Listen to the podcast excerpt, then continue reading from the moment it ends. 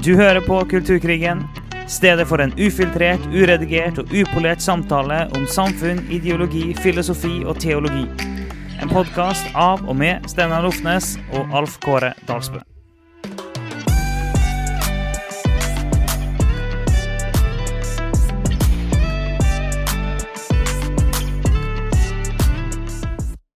Ok, Steinar. Du er tilbake fra USA, og vi eh, må få lov til å høre litt fra det.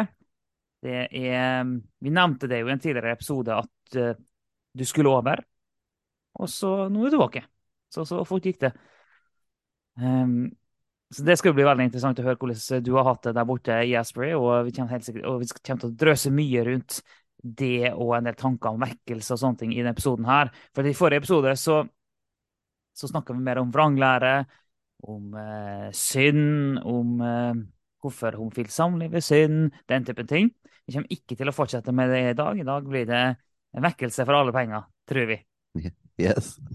Ja, men det er bra. Og dette beveger jo seg mye i livene våre, og i store deler av kristenheten, rundt omkring i hele Vesten i alle fall. Så, og for så vidt rundt på alle kontinenter. Um, så, så, det er bra å snakke om. Og eh, vi tror jo virkelig det at, eh, at dette ikke bare er et slags uh, motefenomen, men at Gud faktisk eh, på en spesiell måte beveger seg og, eh, og, gjør ting i sin menighet og utover det. Så dette, dette, er jo utrolig spennende. Og vi står jo liksom midt i en fase i menigheten òg, der vi lener oss virkelig inn i dette. Ja, og for trofaste lyttere så vil nok denne episoden her være en del annerledes enn ganske mange av de andre. For vi, vi, vi, snakka jo litt om vekkelse i en annen episode, og vi kommer til å fortsette å snakke på den måten nå.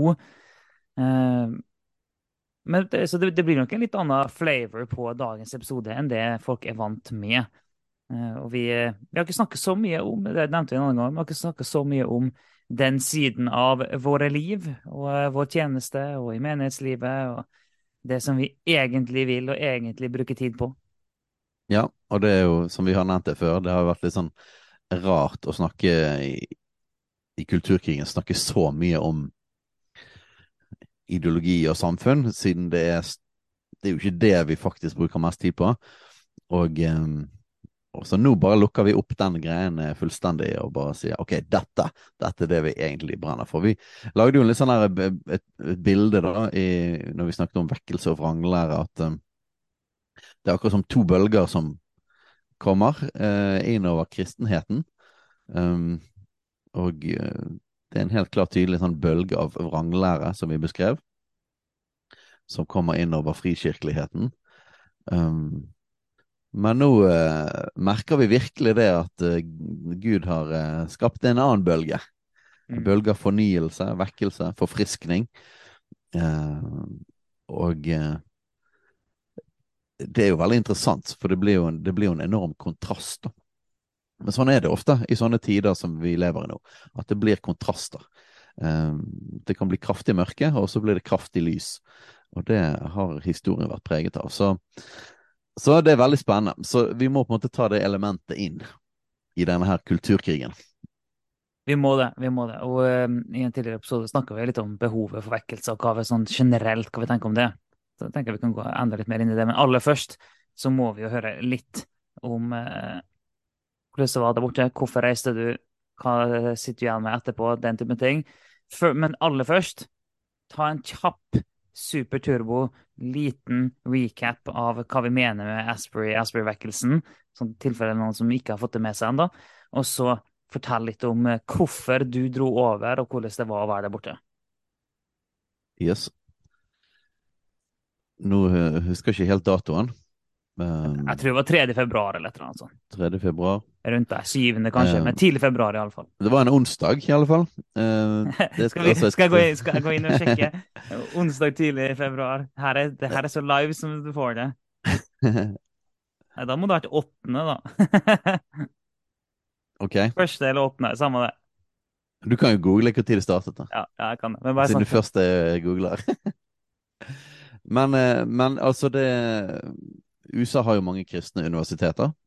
Um, og uh, Asbury University, sammen med det som er Asbury eh, teologiske seminar, som er da rett over veien. Eh, så nå er to, to enheter, men de er jo en de, Seminaret kommer ut, ut, av det andre. altså det sånn, det er liksom en enhet samtidig. Eh, så dette her eh, kristne universitetsområdet, da, det er liksom basert på vestliansk tradisjon. Kom ut av metodistvekkelsen. Og, eh, og, dette stedet har hatt mange sånne vekkelser før. Hele greien ble jo grunnlagt ut, ut, fra det. Og det som kalles the first and the second great awakening i USA, som var en store vekkelser som berørte hele USA. Så det er litt av liksom eh, historien og rammen for dette kristne universitetet. Og eh, der er det sånn at de har eh, tre ganger i uken så har de obligatorisk det de kaller chapel, som er på en måte et lite møte, da. Med liksom, eh, litt grann lovsang og en andakt. Som er liksom en del av skolen. Og det har de tre ganger i uken. Og eh, dette var eh, en dag sånn som alle andre. Men eh, etter en fyr hadde hatt en, en eh, liten tale, en andakt, om egentlig det å leve et hellig liv, eh, og bli Guds kjærlighet, og hvordan det så ut. Um, der han først beskrev det masse, og så på slutten sa det at men det er ingenting av disse tingene vi egentlig får til. Um, fordi at uh, vi må bli møtt av Guds kjærlighet. Vi må bli fylt av Guds kjærlighet for å kunne bli kjærlighet. For å få Guds egenskaper.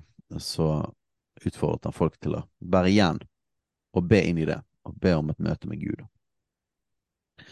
Så følte han sjøl at det var egentlig en skikkelig dårlig, dårlig tale. Det var flere, flere, av de som kjenner han som sa det at han skrev med en gang en tekstmelding tilbake til konen sin og sa det at eh, det er skikkelig dårlig i dag. Eh, det er litt en gøy detalj, da. Um, ja. Det, er ikke, det, er ikke, alltid følelsene våre eller opplevelsen av hvordan det gikk, Eh, er helt på linje med hva egentlig Gud gjør. da. Det, det, er, egentlig veldig oppmuntrende. ja, det er kjempeoppmuntrende. Lite visste han. Og, og, det er sånn, og det kan til og med ha vært dårlig, men Gud kan bruke det likevel. Yes, yes. Uh, og uh, så er det noen av elevene da som, som blir igjen og ber litt. Grann. Da er det lunsj etterpå, tror jeg. Uh, så var det noen som var igjen der og ba, og det er tydelig at Gud har lagt en spesiell lengsel ned i dem at det har truffet noe, at Den hellige ånd har vekket en sult og lengsel etter, etter Gud. Eh, at det var det det begynte på, ned i noen av disse elevene. Og så var det mange av de som bare ble igjen lenger og ba. Og så var det flere elever som på en måte ble sånn dratt tilbake igjen etter lunsjen. Så, så kom de inn der, og plutselig så tok det litt sånn tak på skolen der. Eh, at liksom ryktene gikk om at det er liksom det er bønn, det er bønn av folk som Det skjer noe liksom i, i, det som heter Hughes Auditorium, som er på en måte da kapellet, da, men det er plass til 1500 mennesker der. Um, og så begynte flere og flere elever å komme, og det var tydelig at, at, at Gud virkelig rørte med folk, fordi at uh, de kort tid før ryktene begynte å gå, og folk liksom gikk inn i klassene der det var undervisning, og bare åpnet døren og sa 'Det skjer noe i, i hus. Det, det, Gud gjør noe', liksom. Det er et eller annet. Uh, det skjer noe i kapellet, da, på en måte. I, i kapellet, ja. Og, uh, og liksom elevene og, og, det er jo det som er interessant, da, at det er liksom den der greien som ikke som er på en måte over Det som er mer enn på en måte det menneskelige, naturlige, det er at når de sier dette, sant? når de ryktene går, så av en eller annen grunn så treffer det noe mm. veldig i de andre elevene. Det treffer en sult som gjør at dette her bare ruller på seg, og de spør lærerne sine da er, er det greit at vi drar ned dit. Er det greit at vi at, og, og, og, lærerne er jo sånn OK, det er greit. um, så plutselig så begynner det bare å flokke seg flere og flere elever, og klasserommene blir tømt, rett og slett. Eh, og det begynner å fylles der inne med, med folk som begynner å omvende seg for sine synder, og Gud som jobber med hjertene, og, og, og så begynner det med bønn og, og lovsang, helt sånn spontant. Og, og, så bare fortsetter det. Liksom når skoledagen er egentlig ferdig, så fortsetter folk, de vil ikke gå. Det er et sånt merkbar gudsnærvær der, eh, som bare øker og øker. Når kvelden kommer, vil ikke folk gå. Når natten kommer, så vil ikke folk gå. Eh, men det bare strømmer flere folk til. Så gjennom hele natten eh, så er folk i bønn. Bare for å si en ting på det, da. For det, da, det er jo noen som blir sånn Ja, men det at folk, altså folk kan bare bestemme seg for å gjøre sånt, så hva, hva er det som er så spesielt med det? Men det er bare sånn det, Bare prøver å tenke igjen, hvor ofte er det sånt skjer. Det skjer nesten aldri. Altså nesten aldri skjer sånne ting. Eh, og det, det, normale er at hvis lovsangen varer i mer enn 20 minutter, så syns folk det er litt lenge. Eh, eller iallfall hvis det passerer 30 minutter. Det, det, er dessverre det normale i uh, mange kirker i den vestlige verden. Så det å holde det gående i bønn og lovsang og søke Gud i time etter time, i dag etter dag, det er faktisk veldig unormalt for de aller fleste. Ja, og stilen der borte Jeg, liksom, jeg lurer på om det er sånn at de har, har to sanger eller noe sånt. Mm. To sanger og så en andakt. Det er liksom det som måte, var den vanlige greien. Så dette var tydeligvis helt ekstraordinært. Og det, det, er så interessant å legge merke til den der eh, umiddelbare sulten etter Gud som ble tent i folk med en gang de hørte om det. Mm. Det er veldig sånn fascinerende. Og det er det som gjør at det plutselig bare baller på seg, og flere og flere kommer. Det er bare sånn, ja, men Hvorfor kommer folk? Og det, hvorfor responderer man på den måten? Det må et, et eller annet som traff eh, dypere nede eh, i folk, en lengsel etter Gud, som, så de kanskje ikke visste at de hadde engang, før de plutselig bare hørte at noe skjer, Gud gjør noe. Og så går ryktene videre, da, eh, som gjør det at foreldre til folk folk fra hele USA som går på dette universitetet, eh, og det er mye kristne familier da, som gjerne har sendt barna sine her. Så hører foreldrene om det. Mange av de har jo sjøl vært og gått på denne skolen, og, og mange av de har opplevd det, blant annet den vekkelsen som var på, på 70-tallet. Eh, eller i 1970, for spesifikt der. Eh, som òg spredde seg rundt på over 100 universiteter i USA. Så, så, det traff liksom noe, og folk begynte da å pakke i bilene sine og, og kjøre opp til uh, denne lille byen Wilmore i Kentucky, der Asbury University er. Uh, så så plutselig kommer foreldre og familier også, og folk i nærområdet, folk tilknyttet skolen, uh, folk som bor i byen der og området, begynte å flokke til. Og, og vips, vet du, så er det bønn og lovsang og folk som vender om fra sine synder og roper til Gud, og folk som virkelig opplever at Gud gjør noe dypt i deres hjerter eh, 24-7, altså dag etter dag etter dag etter dag. Um, og så begynner jo ryktene sant, via sosiale medier å gå rundt omkring i verden. Uh, det jo, ble jo en sånn TikTok-rekord uh, for en av de videoene. Det begynner å snike jo viralt på TikTok. Uh, fra da elevene sjøl som dere har filmet noen klipp, da. Um, og så baller det jo på seg, og eh, Jeg husker ikke hvor raskt vi fikk vite om det, men jeg tror ikke det gikk mange dagene. Tre-fire dager tror jeg det tok. Ja. Og det interessante er det at eh, jeg vet at det snakker for mange, altså, eh, i det. Det at når man hørte om det, så er det akkurat som det traff den samme lengselen. Og jeg gikk rundt der og liksom tenkte ikke så mye på det, liksom, og vekkelse og sånn. Vi holder på med de tingene vi holder på med. Um, det jeg personlig har opplevd, er at jeg har vært litt sånn sliten siden litt før jul. Og kjent meg litt sånn der eh, utmattet. Jeg liksom bare sånn Jeg treng, trenger, trenger noe nytt, trenger noe mer. Trenger, eh, jeg trenger en fornyelse, en forfriskning, et eller annet sånn som det. Um, men jeg har liksom bare gått, gått rundt i det, da. Jeg og Katrine har også snakket om at kanskje jeg burde reise vekk et eller annet sted. På en hytte eller et eller annet, bare for å være aleine og søke Gud og på en måte få ja, en ny forfriskning av Gud. da. Så det, det, det lå liksom der i bakhodet. Så når dette kom, så traff det liksom veldig rett i, i liksom behovet. Men jeg hadde ikke skjønt egentlig hvor mye jeg hadde lengtet etter disse tingene før jeg hørte om det. Og det er veldig mange som beskriver det. det, som det sånn. Og, og, for meg så er noen kan si at ja, det er masse suggesjon, og, og dette bare sånne psykologiske mekanismer. Ja ja, det kan de nå mene. Men jeg tror det at, at dette var Den hellige ånd som virket på folk. For det at det at den der Helt fra liksom de første elevene begynte å komme inn der, helt til at folk internasjonalt begynte å høre om det, og det traff en sånn veldig lengsel og sult i folk. Eh, tror jeg var Den hellige ånd som gjorde. Den hellige ånd brukte dette til å treffe dypere i folk. Så plutselig så da begynner jo folk å komme da fra hele USA og fra rundt omkring i verden. Eh, og jeg tenker at jeg har lyst til å dra bort dit. Eh, har ikke penger til det, og vi har egentlig ikke penger i menigheten til å kunne prioritere det at jeg reiser bort dit. Um, sant? Det er høye strømkostnader, og måte, det vi får inn, blir brukt og går ut. Så vi har ikke så masse, masse å gå på der. Sånn det vil koste kanskje sånn rundt 25 000 å dra bort. Så det er på en måte det er en stretch, liksom, hvis menigheten bare skulle betalt det.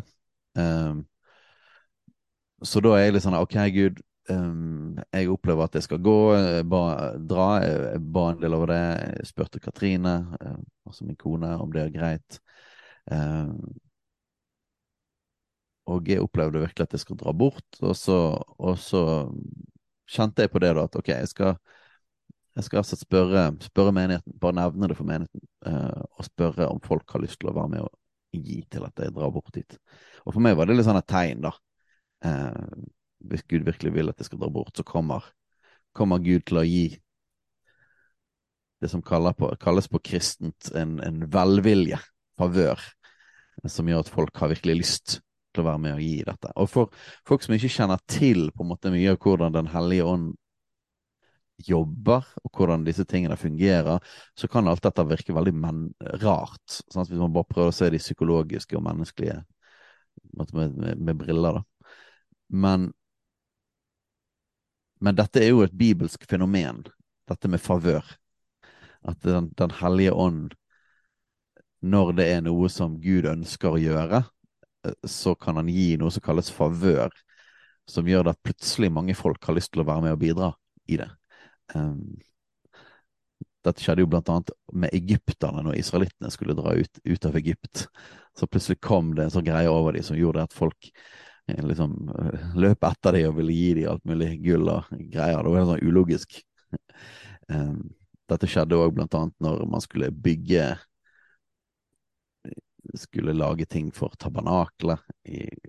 Da måtte de stoppe folk for å komme og gi, liksom. Det skjedde blant annet når man skulle bygge templer, Det skjedde i, i menigheten i Jerusalem. Um, når folk bare begynte å selge ting de eide, eide da, og, og, ga det inn til menigheten. Så det, så det er sånne, sånne tegn på om, om, Gud er, om, Gud er, med på noe. Um, og jeg opplevde veldig det, at når jeg delte det, så traff det folk. Um, og det handler, om, det handler om lengsel etter vekkelse som er i folk, og at disse tingene som hadde skjedd der borte, det berørte folk, og det skapte en sult etter at Gud skulle gjøre det samme hos oss. Uh, og det har òg med en forståelse å gjøre, at det var ikke bare Steiner som skulle dra bort men en forståelse av at vekkelse smitter. Og da ikke bare som et sånn viralt psykologisk fenomen, men at, men at, det Gud faktisk gjør, som er genuint Gud, eh, smitter både gjennom å høre vitnesbyrdet om det, men òg at man faktisk drar dit og opplever det sjøl. Og, og, det er masse historier eh, gjennom kirkehistorien, eller det vi kaller vekkelseshistorien, av, av folk som reiser til sånne steder, eller kommer i berøring med folk som har, har blitt møtt av Gud i sånne vekkelser. Og så blir de berørt, da. Og så skjer det samme med de. Og så drar de tilbake til sitt hjemsted, og så skjer akkurat det samme der. Um, så alle disse tingene ligger jo der, da. En slags forståelse av disse tingene som gjør at, at uh, masse folk bare umiddelbart begynte å gi penger uh, til at jeg kunne dra bort dit, som gjorde at jeg kunne kjøpe flybilletter og bestille uh, leiebiler hotell og alt mulig sånn, og, og få Jeg tror Når jeg dro tilbake igjen, så hadde jeg på den kontoen som du var inne på Jeg hadde basically et par hundre kroner igjen mm. eh, av hele den summen. Så jeg fikk alt det jeg trengte. Mm. Eh, og da har jeg ikke gått og stresset på, liksom, på hvert eneste øre på når man er ute og spiser, og sånn, sånn men jeg har sett, fulgt med hele tiden på ok, dette ser ut som det, det kommer til å gå så bra. Og så var jeg litt sånn spent på siste, siste dag, siste to dagene, bare, hvor er vi nå? Så bare ser jeg dette går, litt, det går akkurat. helt perfekt. Um, så, så jeg dro bort, og så fikk jeg jo vite da eh, at de kom til å slutte med de offentlige møtene noen dager før.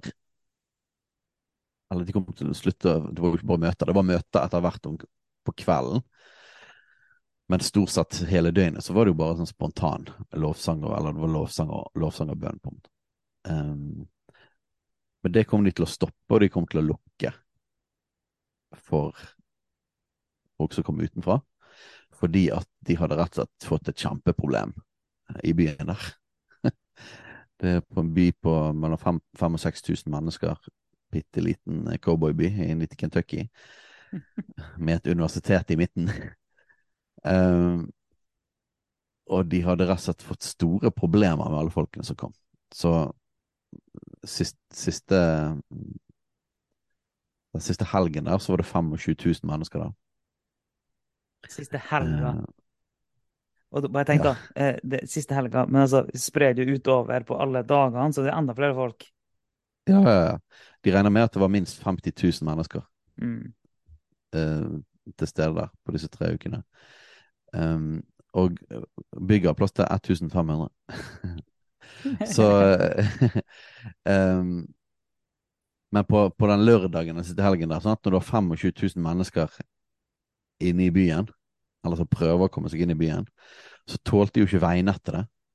Altså Det var jo lange køer, politiet måtte begynne å stenge. og Det er jo sånne utrolig morsomme skilt da, med sånn her uh, 'Road closed, revival'. Sånn, revival, road is closed, liksom. uh, uh, og, eh, og, så gikk det jo tomt. Det gikk jo tomt for mat i butik butikkene. Det vil si, det var én en matbutikk.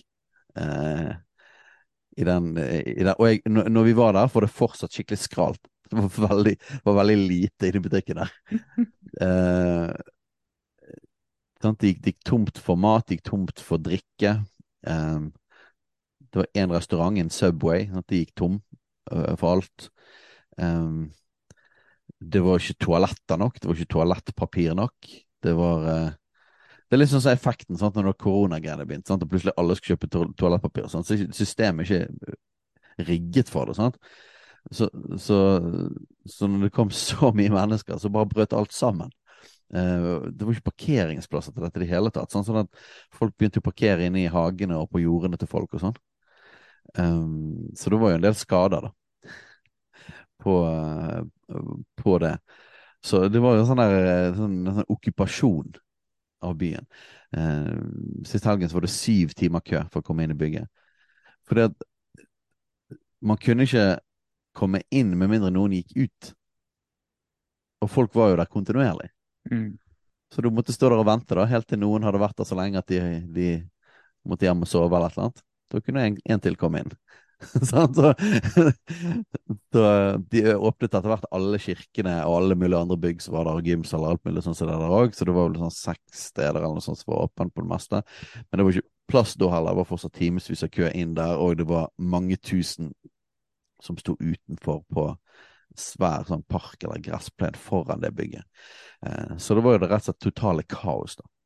Og alt sammen fordi at folk hadde bare en utrolig lengsel etter å bli fornyet og for, for, av Gud, og at Gud skulle gjøre noe nytt i deres hjerter, og få oppleve, få oppleve dette gudsnærværet. sant? Og her er òg en sånn ting, hvis man ikke forstår konseptet av Guds nærvær, så er det veldig vanskelig å forstå dette med vekkelse. Eh, for det er veldig sentrert rundt Guds nærvær, Guds kraft, Guds herlighet. Um, Sånn hvis man ikke tror at det engang fins eller et konsept, så er dette bare, bare veldig merkelig. Men, ja, men det sentrale ja, ja. ja, så har du jo denne greia med at jo, men er ikke Gud overalt, da? Så hvorfor, eh, hvorfor dra over dit? Han er jo her òg. Eh, så du har òg den biten der som kan være litt sånn vanskelig å forstå. Jepp. Um, sant, og, og Bibelens forståelse av dette, eller hvordan Gud beskriver seg. Han beskriver seg som allstedsnærværende, så du kan ikke dra noe sted uten at Gud ikke er der eller tilgjengelig. I tillegg så er det sånn at de som har uh, gitt sitt liv til Jesus for sine synder tilgitt, um, så har vi på grunn av det Jesus gjorde på korset, har vi fått en fri tilgang inn til Gud. Uh, og vi har fått Den hellige ånd.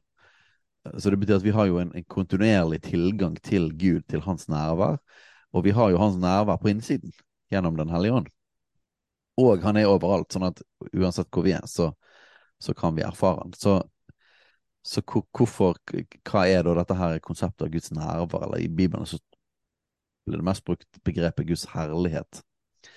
Um, men selv om det er sånn at han er tilgjengelig overalt, så ser vi jo i Bibelen det at han kommer nær på en spesiell måte. Forskjellige steder, forskjellige steder i historien. Eh, noen ganger så står det om en sånn herlighetssky. Det som, taler om Israelsfolket som var i ørkenen, så, så, var det en sky som fulgte de, og som senket seg, og da slo de leir. Og den skyen var over dette, dette teltet, som ble kalt tabernaklet og Guds herlighet var i skyen. Gud var jo allstedsnærværende, men han var der på en spesiell måte, som det gjør at når Moses gikk inn mm. i dette tabernaklet, så, så, beskriver Gud det sjøl sånn at, Gud, at, at, Moses snakket med han ansikt til ansikt. Ja, og at eh. ansiktet til Moses lyste så mye at han måtte legge uh, Jeg holdt på å si et sjal foran. Altså legge et sånn uh, slags dekke foran ansiktet sitt. Og mm. det sier jo noen ting om at det, Eh, og det er kobla sammen med at Gud av og til så er Gud sterkere på visse steder. Og hvis vi mennesker kommer, eh, er på det stedet, så påvirker det oss. Nå sier ikke at vi skal gå rundt og lyse etterpå, men poenget er at det er et helt sånn klart bibelsk eh, fenomen, det med at ok, eh, du snakker om skyen, og ja, Guds herlighet fylte tempelet. Eh, mm. når, når, når, Gud kom i den stille susen. Eh, vi har mange eksempler i Gamle testamentet på hvordan Gud kom nær, Moses som fikk se baksida av Gud, eller den historien. Men Nytestamentet òg. Pinsedag er jo én ting, selvfølgelig. Eller noen hellige ånd falt i mm. huset, huset til Kornelius. Altså, Vi har mange sånne eksempler på at ja, Gud er allestedsnærværende, men av og til så kommer han mer, på en måte. Gud er allestedsnærværende, men av og til gjør han mer. Så det er sånn Gud er til stede, men han kan være til stede mer. Det er det vi ser ja. i Bibelen. Og hvis du er på det stedet der Gud er til stede mer, så gjør det noen ting med det. Ja. Det, ja, mer av Gud, rett og slett. Det er akkurat som Gud skrur opp på en måte sitt nærvær, sin tilstedeværelse. Og da blir på en måte alle, alle fruktene av å møte han som person, det skjer plutselig. Eh, og et, et, annet eksempel fra Nytestamentet er når Paulus og Silas er blitt satt i fengsel fordi de har forkynt evangeliet og de har kastet ut en ond ånd av en spådame. Eh, så blir de slått og kastet i fengsel, og så sitter de i de innerste fangehullene. Og så ber de og synger lovsanger. Og, og, når de sitter der inne, så er jo Gud med dem. De er jo fylt av Den hellige ånd. Gud er allstedsnærværende, så Gud er inne i det fengselet. Um, og de ber og synger lovsanger, og, og, når de gjør det med en gang, så vil jo Gud være nær på en spesiell måte. Når to eller tre er samlet i mitt navn, så er jeg midt iblant dem. Så med en gang de begynner å be og synge lovsanger, så vil Gud komme enda mer sånn spesielt med sitt nærvær. Vi tror jo det at når vi kommer sammen som menighet, sånn, eller kommer sammen som kristne, selv om Gud er med oss overalt, så vil Gud også, har Gud lov spesielt å være midt iblant oss når vi kommer sammen og søker Han. Men så ser vi det at plutselig, mens Paulus og Silas ber og synger lovsanger, så plutselig så kommer det et jordskjelv. Eh, og dette jordskjelvet er ikke et vanlig jordskjelv, for vanlige jordskjelv, da er det sånn at eh, at fangehull og grottene hadde sikkert klappet sammen, og, og eh, de hadde dødd. Um, Store ødeleggelser i byen osv. Ja. Dette jordskjelvet er en sånn eh, ting som vi leser om flere ganger, at når Den hellige ånd kommer nær, så skalv stedet, står det om i apostelgjerninger kapittel 4, når de ba der, så, så skalv stedet, så blir det fylt av Den hellige ånd. Mm. Så dette jordskjelvet gjorde liksom at alle, alle fange, fangedørene til fangehullene ble åpnet opp. Det er sånne profetiske tegn. Sånn frihet. Um, og ingen ble skadet, men fangevokteren, som før dette kanskje ikke hadde vært så veldig positiv til kristen tro, eller vært likegyldig, uten at de har sagt noe eller gjort noe, så plutselig faller han ned. Uh, først vil han drepe seg, sier du trenger ikke å drepe deg, alle er her. Og så faller han ned. så Hva skal jeg gjøre for å bli frelst? Mm. Det var sånn her, De hadde ikke sagt at han trengte å bli frelst. altså De, de hadde ikke gjort noen ting. Og plutselig så ble han frelst, og hele hans hus de kommer hjem til han, han vasker sårene deres. Et eller annet har skjedd med han. Og så deler de evangeliet med hele familien, og, og, og, han og hele familien blir døpt. Så hva i all verden var dette jordskjelvet for noe? Hva var det som skjedde? Mm. Nei, det, det, er jo det vi kaller vekkelse, basically. At Gud kom nær. Plutselig kommer Guds nærvær på en sånn måte at plutselig så bare møter folk Gud. Um, altså, Gud han, altså, han, han, trer inn i den fysiske virkeligheten på en sterkere, annerledes måte enn vi normalt sett opplever, kan du si. Ja. Og yep. av og til så gjør Gud det. Det er, Vi ser det i Bibelen, vi ser det gjennom hele historien. Av og til gjør Gud det. Det, det er et faktum. Av og til gjør Gud det. Ja. Og så er det jo Vi har liksom ikke kontroll over hvordan det skjer, eller og hva Gud gjør når det skjer, eller utenom at vi vet at alle ting Gud liker å gjøre, skjer det mer av. Um, men han kan gjøre spesifikke ting, som på en måte det er han som velger å gjøre. Uh, vi kan på en måte ikke mane det fram eller tvinge det fram, og vi vet ikke tidspunktet på sånne ting skjer. Men vi vet at, at det er visse ting som legger til rette for at Gud gjør sånne ting. Og, og der er jo selvfølgelig det som snakket om dette med sult og lengsel etter han. Eh, og dette med bønn er en sentral ting. Og bønn, og bønn, gjerne bønn og faste. Um, og dette med at folk innvier seg for Gud. Og sier at Gud, vi har lyst til å leve for deg, vi vil gi hele livet vårt til deg, vi ønsker å leve et hellig liv. Um, så bønn, innvielse, faste. Uh, det er jo sånne ting som vi ser i Bibelen, at det, det tiltrekker Den hellige ånd og det, hans nærvær. Um, og, og, når du har sånne liksom, forutsetninger, at folk virkelig ønsker han, sånn som skjedde. Og det er jo Gud som virker det òg fram. Så bare den lengselen er på en måte Gud som allerede jobber. Mm. Eh, og nesten sånn forbereder sjøl at han kan komme mer. da. Mm. Eh, men vi, må, vi, er jo med på det på den måten at vi må på en måte gi respons på det. Eh, og det er ikke sånn at alle mennesker gjør det. Men når Gud gir en sånn her lengsel og sult i folk, så, så er det en del folk som gir respons. De som virkelig egentlig ønsker Gud. Og så blir det en sånn god sirkel, kan du si, at den lengselen gjør at vi søker Gud, og så kommer Gud mer, og det var det han ville.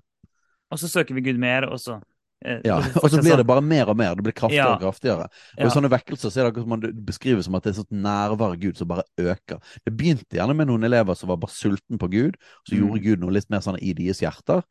Men etter hvert som flere kom til, så ble det Beskriver de det som et sånt gudsnærvær i rommet sånn, som er helt påtagelig. Nesten som at bare Jesus er i rommet. Ja. Um, og, og, da bare skjer ting. Mirakler skjer. Uh, folk blir frelst uten at noen snakker med dem. Um, ja, alle mulige slags sånne fenomener. Folk blir satt fri fra ting.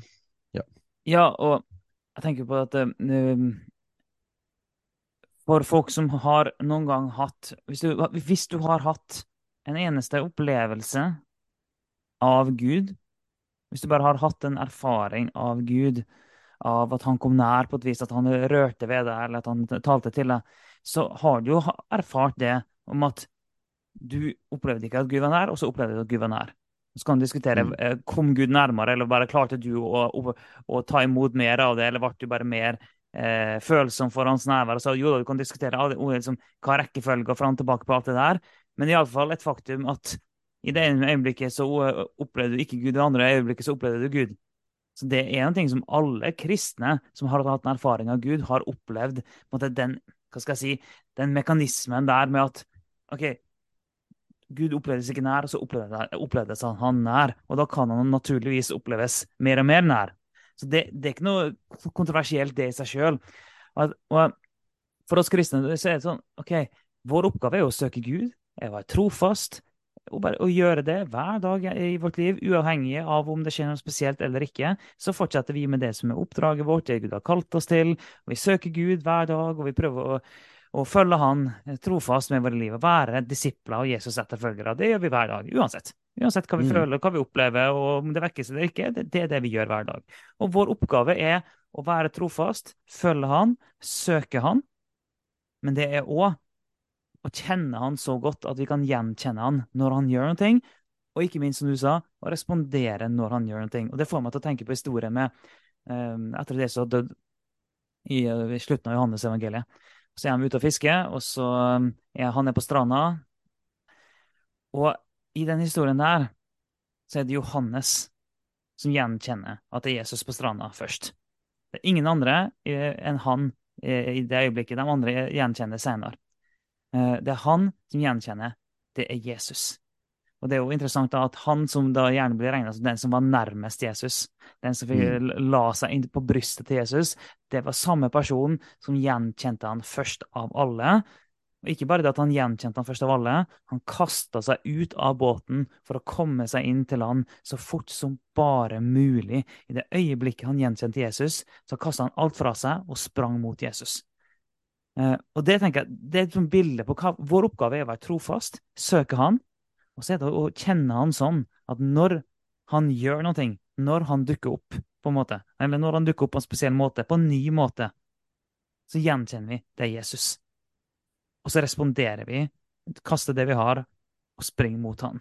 Og det er litt sånn OK, nei, vi skal ikke reise rundt i hele verden og bare jage eh, rapporter om vekkelse som Sånn som noen der, I USA så har du sånne her storm chasers. De som jakter tornadoer og sånn. Kjører rundt i USA og jakter på tornadoer. Nei da, vi skal ikke drive på med sånt. Samtidig så er det noen ting med at når Gud gjør en ting, og vi gjenkjenner det, så kaster vi det vi har i hendene, og vi springer mot han. Ja, og det er jo nettopp for, på grunn av at sant? Det, finnes, det finnes alltid folk som kan gå i grøfter på disse tingene, eh, Ja på begge sider. Men, men eh, det er jo nettopp fordi at det vi har lagt ned livet vårt for, er utbredelse av evangeliet. Det er nettopp fordi at vi bygger trofast og bruker våre graver og gjør alt det vi kan, da. Eh, for, for å bygge Guds rike og spre evangeliet. Det er jo nettopp derfor man og blir veldig desperat etter Gud når det skjer sånne ting. At vi har sånn kontinuerlig erkjennelse av at vi trenger, vi trenger mer av Vi- hans kraft. Vi får ikke til det her sjøl. Ja, vi er trofast, og vi gjør det vi skal, og, og vi er lydige, og vi følger han, og, og det, det er et godt liv, og vi, vi elsker Jesus, og vi opplever at han elsker oss. Men vi ser jo det at hvis ikke han gjør noe, ja, da skjer det ikke så fryktelig mye.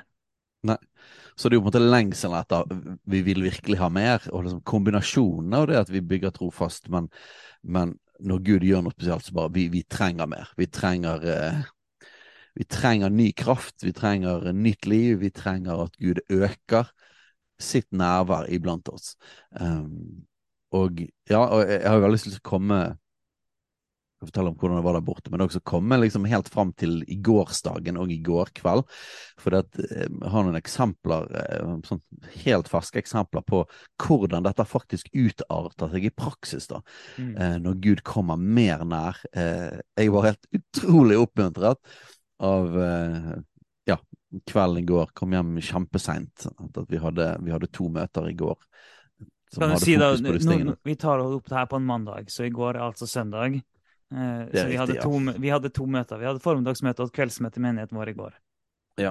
Ja, for det kommer jo på torsdag, dette. Men eh, ja, så Men vi tar det på slutten. Eh, kan jo snakke litt mer om hvordan det var å komme bort dit. Men nå har vi forklart litt sånn hvorfor drar vi dit, da? Og hva er dette konseptet, egentlig?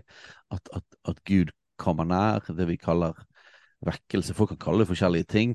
Eh, de kalte det en outpouring, altså en utøselse. Det er jo et bibelsk begrep eh, om at Gud vil ut, tømme ut sin ånd, eller utøse sin ånd over alt kjød. Og, og, og du ser liksom noen ganger at Den hellige ånd blir utøst, eller Hellige ånd faller. Det er liksom to begreper som blir brukt i Det nye testamentet. Og skjer både på pinsedag da, og i Kornelius hus i Apostelgjerninger 10. Det skjer òg i Apostelgjerninger 4 når de har bønnemøte. Det skjer liksom med Paulus og Silas. Så en utøselse av Den hellige ånd. Eh, vekkelse, det handler jo mer om at Guds folk blir vekket opp. Og, og bildet, altså, begrepet der kommer jo på en måte av søvn. At man er blitt sløv, eller at man sover, eller man liksom eh, leser, en, jeg leser en bok om vekkelse som fikk der borte. Der definerte det begrepet litt. og Så, så i, eh, det finnes et hebraisk ord som kan oversettes revived, eller revival. Um, og, og i det ordet så beskrev det at noen ble vekket opp og nesten var død. Det så ut som de var døde. De var ikke helt døde, men det de så ut som de var døde, og så ble de vekket opp, da. Uh, våknet igjen. Så, så, så det, jo, det, handler på en måte om, om kristen si, sløvhet. Da. Og det at uh, vi, vi, kristne, og før oss kristne, så har du Guds folk Israel. Uh, så har vi jo en historie av å bli sløve. igjen og igjen. Liksom, det kan gjerne gå sånne epoker av der Gud har gjort veldig kraftige ting, og folk er veldig ivrige i sin etterfølgelse av Gud og sin tilbedelse av Gud. Eh, og så har det kanskje vært epoker der folk har sløvnet. Mm. Eh, og eh, da pleier ting å gå litt dårlig. Og dette har vi jo masse, sånn, sånn, masse eksempler på i Det gamle testamentet med Israelsfolket, hvordan de går i sånne bølgedaler. Eh, og, og, da begynner ofte ting å gå dårlig. Folk begynner å forlate Gud, og folk blir slappe i sin, sin iver for å følge, følge Gud. Da. Kjærligheten blir kald. Eh, og så kommer Gud og gjør noe nytt og fornyer og vekker eh, sitt folk. Eh, sånn at de vil helhjertet følge, følge han igjen. Så det, det, er på en måte to begreper. Utøselse og vekkelse. Så, så eh, ja, det finnes flere begreper òg. Awakening og innhøstning og alt sånt. Men det, det er transformasjon, reformasjon. Eh, ja. Som alle betoner liksom forskjellige sider da, av virkningen av at Gud kommer nær på en spesiell måte. Og jeg tenker at vi, vi, skal jo komme dit at vi kan fortelle litt, eh, som du sa, både fra i går og nåtid, og litt hvorfor er det her viktig i kulturkrigen og sånne ting. Vi skal snakke litt om det. Og du trenger ikke fortelle alt som var der borte, men er det noen ting fra, som du vil trekke fram fra de dagene du var der borte? Altså det, det, skjedde utrolig mye gøy. Vi opplevde at Gud ledet oss til, til folk. Du, du, du, kan jo bare si det, for ja. det, eh, vi, vi har snakka om at du dro over, og så sier du noe vi. Ja. Men det er for at en felleskompis av oss, Ruben, kom jo over da. Yes, vi var sammen. Jeg er utrolig glad for at det ikke var bare meg alene, um, men at han ble med òg. Så vi, ja, var, vi opplevde virkelig Gud lede oss til så mye det vi på kristent kaller eh, ferdiglagte gjerninger. Altså bare mm. ting som, som, vi ikke kunne planlagt i det hele tatt, og vi altså bare havner i situasjoner. Ferdiglagte gjerninger, og hvis vi skal virkelig snakke kristent, holdt jeg på å si, eh, kan han språk kan si gudfeldig. Gudfeldig, eller divine appointment på engelsk. Um, så opplevde vi opplevde masse sånne ting, men alle de tingene oppleves likevel veldig underordnet for det som var hovedgreien, og var grunnen til at vi, at vi kom dit. Nemlig at når vi kommer inn i denne byen, og nå er altså møtene er sluttet. De har stengt ned eh, dette, dette bygget der møtene var. De har ikke offentlige møter lenger. Så noen kan jo i alle fall jobbe. hvorfor i all verden drar dere bort dit etter det. Mm. Og mitt svar på det pleier å være det at vel, jeg, jeg, vi dro ikke bort dit for å være i et rom med masse folk. Det var ikke folk vi dro der for. Mm. Eh, vi dro der for nettopp det vi har beskrevet nå, for Guds nærvær. Eh, og jeg visste det at selv om for et par dager før vi kom på mandagen, de siste møtet var fredag kveld, et par dager før så var det siste liksom møtet der masse folk fikk lov til å komme, så visste jo jeg det at gudsnærværet vil jo være der. Det vil jo hvile over det stedet eh, på en spesiell måte. Det var jeg helt overbevist om. Og i tillegg til det så er min, min lengsel at Gud skal gjøre de samme tingene her hos oss um, i vår menighet, i det bygget som vi ved et mirakel har fått uh, gjennom en sammenslåing med en, med en uh, gammel Maranata-menighet, uh, i byen vår, um, i landet vårt. Det, det var jo lengselen. Altså det, vi, vi, har ikke tid til å ta hele biten nå, men, men, det er jo virkelig en opplevelse av hvordan Gud har ledet oss i de siste årene med den vandringen vi har gått som menighet. og så Plutselig sitter vi med et, vi sitter med et bygg sentralt i, i Bergen som i 100 år har handla om, eh, om, vekkelse, og så skjer det her og masse sånne ting. Ja, ja, det, ja det, oppleves virkelig som det er en del av en, på en, måte, en historie med Gud da, som vi på en måte ikke kunne planlagt. og vi vi tror bare ledet av Gud hele veien. Mm. Um, og, og jeg tenkte liksom både, både, for å oppleve det gudsnærværet, at Gud har kommet nær på det stedet på en spesiell måte, for å virkelig eh, erfare det, la Gud virke på meg. Um, men òg å være der som et litt sånn kontaktpunkt i forhold til bønn eh, og tro og forventning i forhold til hjemme. Eh, å være i, i, på det stedet og bare sånn Gud, gjør dette hjemme hos oss. Eh, mm. Og for noen kan det kanskje virke sånn rart. Er det så viktig at du reiser liksom over Atlanteren bare for å stå på samme sted og be om det samme som du kunne gjort hjemme? Ja, det er vanskelig å forklare, men det er en forskjell. det, det er forskjell, altså. Mm. Um, det er bare at Gud, du har gjort det på dette stedet. Og liksom ikke bare for mange år siden, for vi går jo gjerne til steder der Gud har gjort noe for mange år siden òg. Uh, for et sånt kontaktpunkt med historien at Gud, disse tingene som du gjorde her, gjør det òg hjemme hos oss i vår tid. Uh, så det minner ja, da, og... oss om uh, ja, hva, ja, ja, det, Gud har gjort før, det minner oss om altså, det, det, det, fornyer og forfrisker, og det minner oss om hva han fortsatt vil gjøre. For det at Gud er alltid den samme. Ja. Eh, så det han har gjort før, det, han, det, er fortsatt sånne ting han vil gjøre igjen. Ja da, og, og, det å minnes det han har gjort før, skaper en lengsel og driver oss til å søke han om at han skal gjøre det igjen. Så det er veldig ja. bra. Ja. Og, og i forhold til det å dra til steder som han gjorde, og vi har nevnt det sånt, men OK, Moses la ansiktet hans begynte å lyse fordi at han var i Guds herlighet. Ok, det, det, Mens de andre som ikke var da tydelig sånn fysisk på det stedet, akkurat der, deres sjanse begynte ikke å lyse. Og igjen, ok, pinsedag, da. Det er, ja, det var mange som ble frelst der, eh, men eller for å til det tidligere i historien, når Helligånd og ildtunger på hodene og begynte å tale tunga og sånne ting, ja, det skjedde med den som var akkurat der. Det skjedde ikke med hele byen. Og så var det de 3000 som ble lagt til. Ja, det skjedde jo ja, det, det, er jo ganske stort i den byen, da, men likevel, det skjedde ikke med hele byen. Men det skjedde med den som hørte.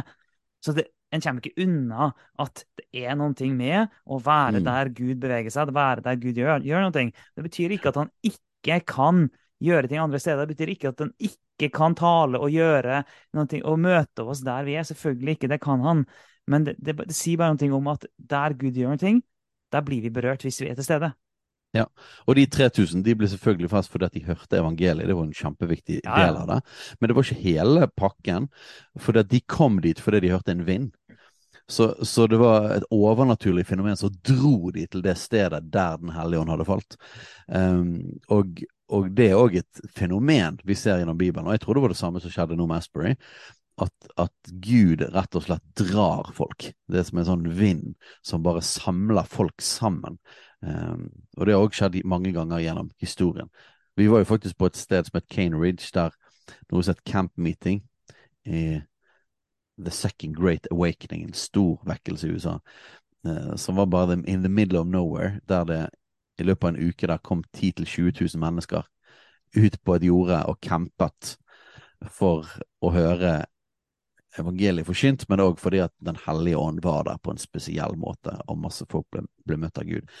Så, så, det, så, det, er noe med steder. Når du kommer inn i det stedet der Gud har kommet nær på, på en spesiell måte, så vil det skje ting med deg. Og, ja, og jeg bare lyst til å si um, Vi har hamra mye på det poenget her, men det er jo akkurat sånn Hvis du er kristen og sier at uh, du uh, sier at du var litt for sent ute til et møte som du skal på.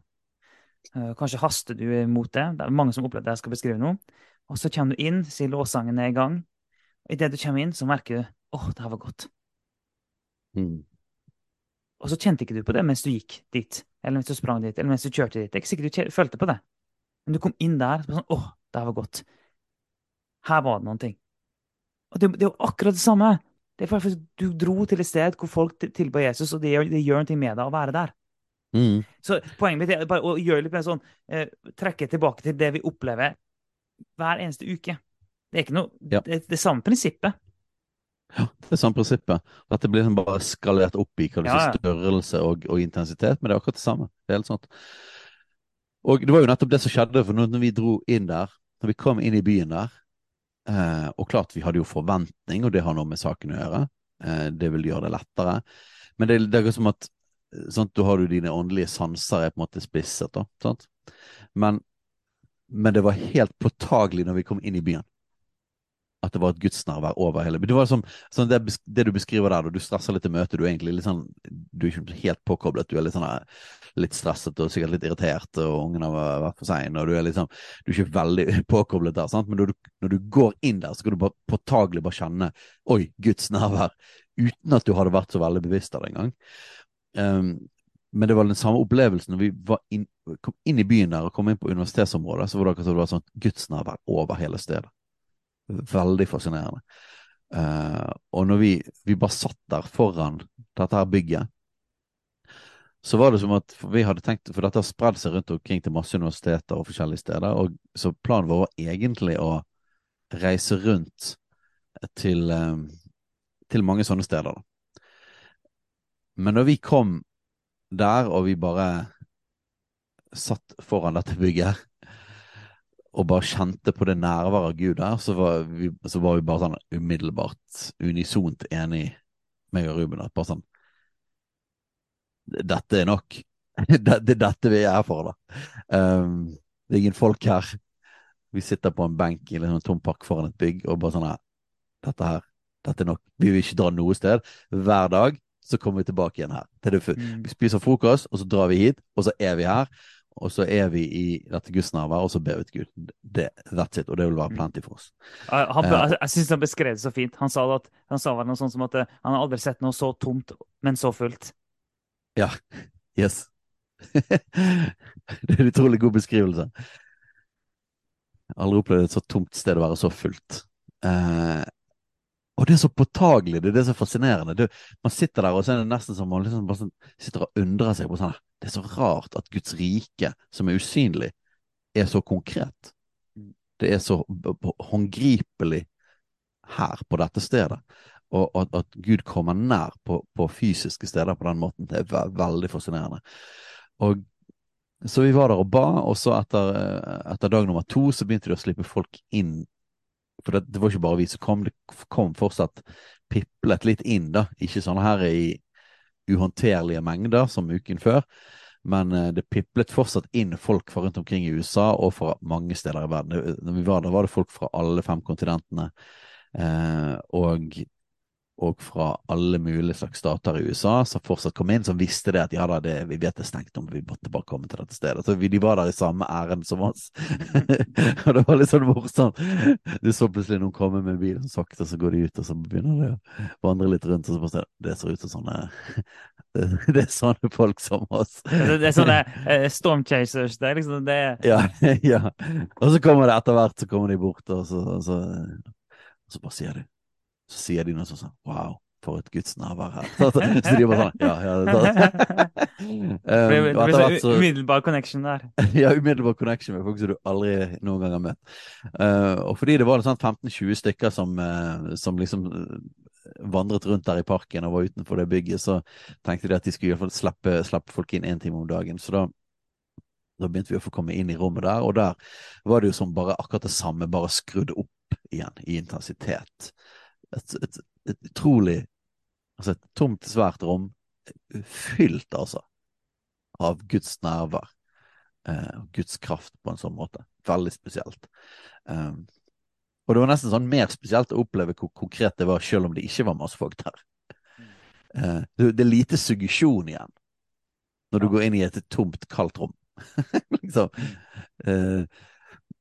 Da kan det jo selvfølgelig være at vi er, vi er bare helt splitter pinne sprø og tror at dette her, denne guden og dette gudsnavnet er reelt, og så er det bare et eller annet helt annet, eller psykologisk. Det kan jo være. Men, eh, men greia er at vi opplever jo at det forandrer oss. da. Når vi er der inne, så det bare Det tar ikke lang tid før man er inne i det rommet, før man rett og slett bare, bare går på kne og brister i gråt. Altså. Eh, og du bare sånn her og Gud begynner bare å jobbe, jobbe, med hjertet ditt. Og du bare Gud, jeg vil overgi hele livet mitt. Og du merker det at Gud begynner å sette deg fri fra ting. Han begynner å jobbe med ting bare med at vi er der. Og, og så kommer en sånn enorm lengsel om at Gud gjør det samme hos oss. Gjør det samme hjemme. Eh, og, og det var jo vanskelig å få folk ut av det rommet når vi, når vi måtte gå igjen. Og de var jo så greie, disse folkene som jobbet der og fasiliterte det. og de var takknemlig for at vi var der, og samtidig så måtte de måtte jage oss ut, da. Men det var bare sånn her Det var et sånt enormt liv. Og alle sammen var sånn her det, no, det var ingenting mer vi ville i hele verden enn å bare få være der så lenge som mulig. og det er en sånn uforklarlig ting, da, med, med sånn påtagelig gudsnærvær. At man vil rett og slett bare ikke Man vil ikke forlate stedet. Og det var jo det som skjedde gjennom vekkelsen òg når det var, var, var var åpent. da. At, det minner meg om Josva, som, som var igjen i teltet. Det kan vi lese om i Gamle testamentet. Josva var igjen i teltet. Moses hadde gått ut, men han sto foran alteret likevel.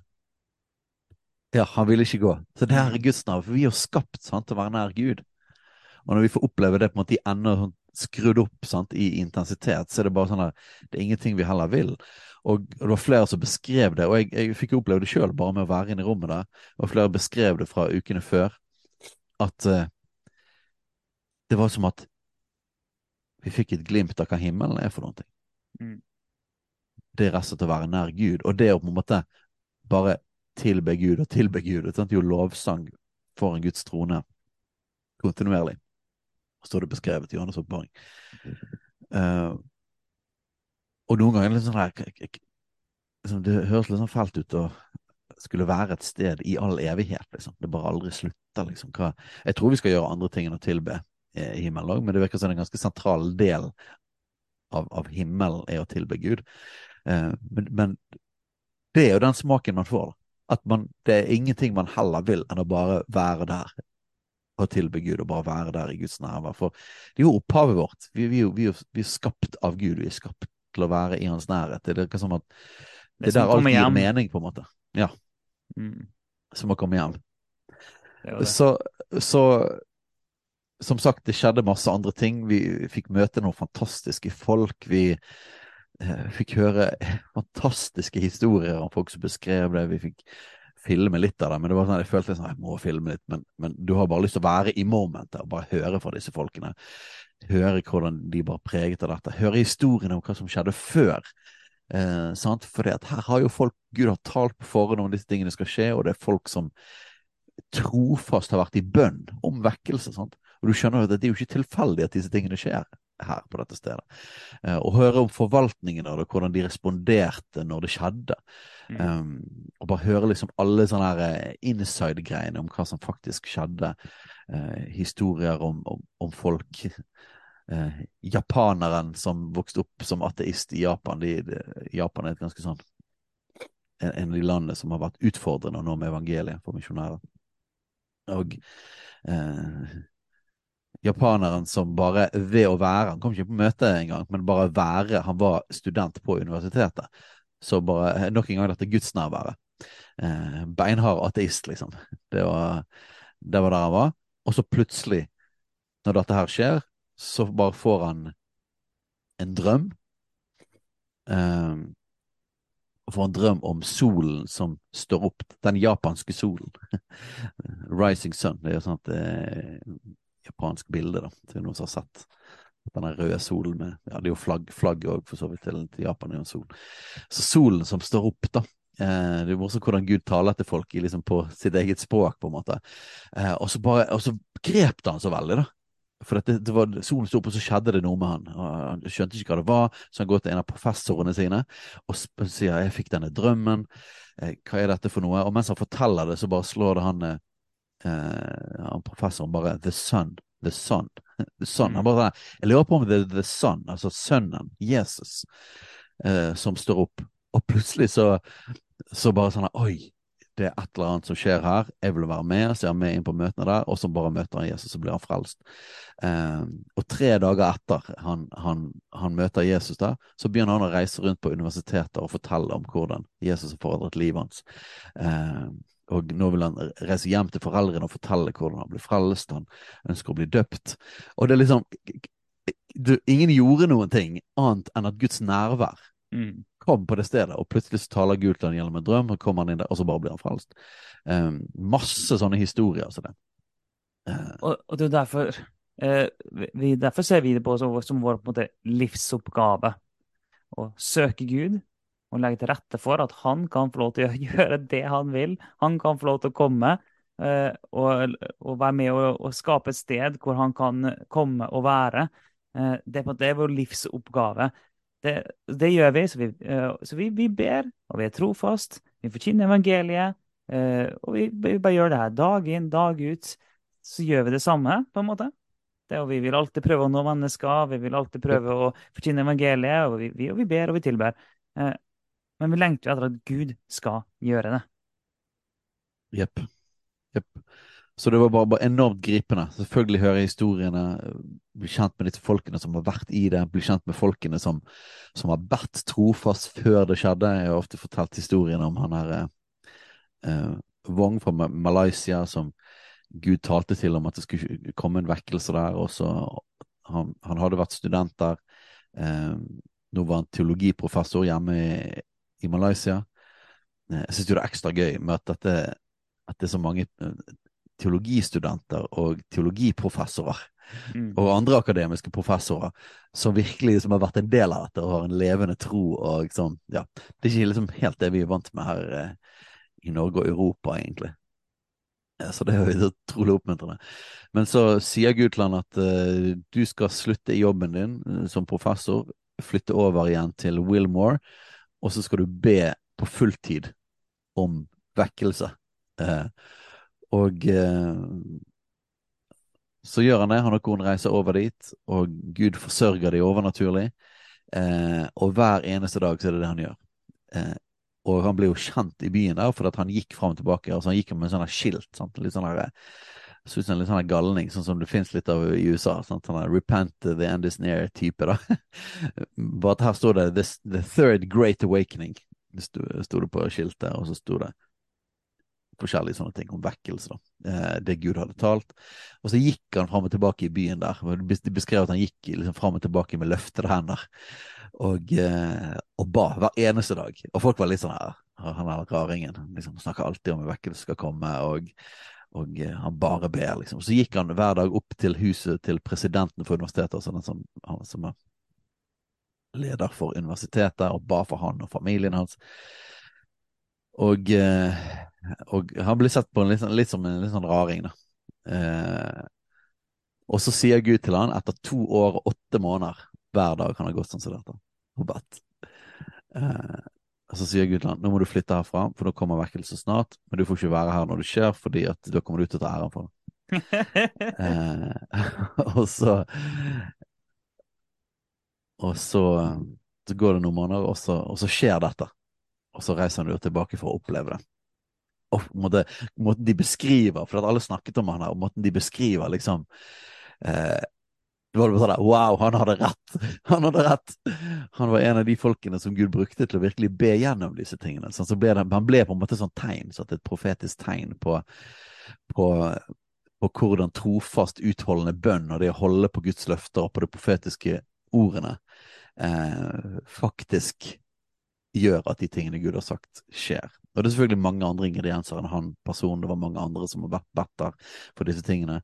Eh, universitetet hadde både en historieavvekkelse, og de, og de hadde en verdsettelse av det. Og en, og en gjenkjennelse av Den hellige ånd som gjorde at de kunne respondere på det. Det er mange ingredienser i hvorfor dette kunne skje, men du får jo bare sånn opplevelse av at ja, dette er Guds nåde, det er Guds godhet. Det er ingen som får til dette, det er ingen mennesker som kan lage disse tingene her. Det er hans nærvær, det er hans herlighet. Og så samtidig er det faktisk kjempeoppmuntrende å se at dette er ikke tilfeldig i det hele tatt. Nei, at det skjedde her. Det. Eh, det liksom det, det, vi, vi, har faktisk en bit som vi faktisk kan gjøre. Og for meg er det oppmuntrende. Det er ikke, det er ikke strev. Det er liksom bare sånn at wow, vi kan være med og legge til rette for at, for at, at, at Gud virkelig kan gjøre noe hos oss. Da. Ja, det er kjempeoppmuntrende at vi faktisk kan ha en finger med i spillet her. Og det, og, og sånn, det handler ikke om om at vi skal bli sliten i jaget etter vekkelse. Og Det handler ikke om at vi skal legge ned alt det andre vi gjør, bare for at nå skal vi be, be om vekkelse. Nei, vi gjør alt det vi gjør. Vi er trofast. Og det gjør vi dag inn, dag ut, hele livet vårt.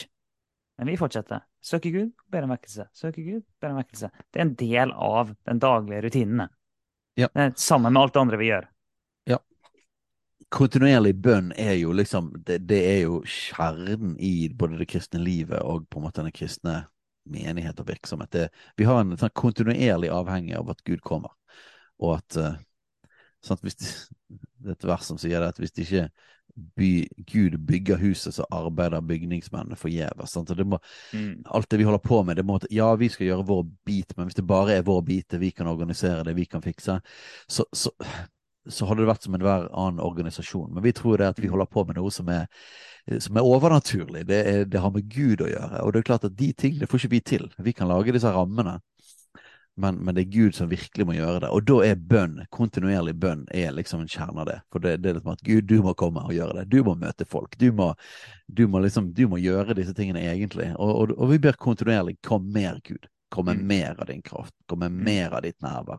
La oss få større gjennomslagskraft for ditt rike. For det er vår lengsel, og det, det, det er Guds lengsel. Og han som puttet ned den lengselen i oss, at vi skal be om det.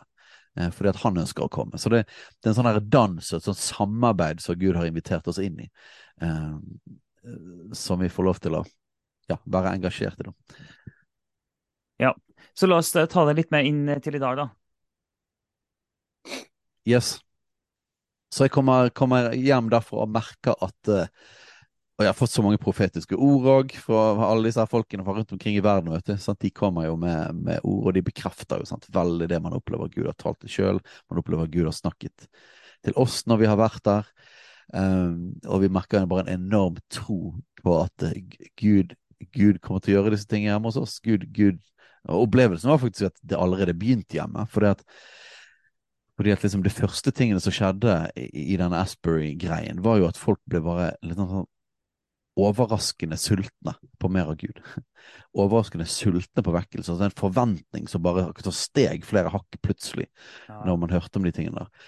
Uh, og jeg merket, jo på den søndagen Vi dro, dro på mandag, og, og, og, på, på møtene vi hadde på søndagen før, mm. uh, så var det her òg en sånn merkbar forventning i luften. Det var en merkbar sult. Mm. Uh, Eh, så vi hadde jo egentlig allerede opplevd at Gud hadde liksom jobbet med disse tingene i oss allerede før jeg dro bort dit. Eh, og, og, og, å være der bare ga en enda større forventning om at Gud, Gud, gjør noe som ikke bare er en greie i Asbury og en greie på dette stedet, men Gud gjør noe eh, i sitt folk i verden. Eh. ja, og, jeg tenker på det sånt for oss som, som har liksom hvor mange ganger har ikke vi stått i en eh, setting der vi står for, for eksempel og tilber Gud sammen med andre? I en sånn typisk lovsangsetting på et møte. Jo da, det, det, begynner, å bli, det begynner å bli ganske mange etter hvert. Ganske mange møter vi har vært på, og ulike ting sånt. Det, det, så vi er godt vant med det, kan du si. Og noen ganger er det fantastisk. Andre ganger oppleves det litt mer tørt.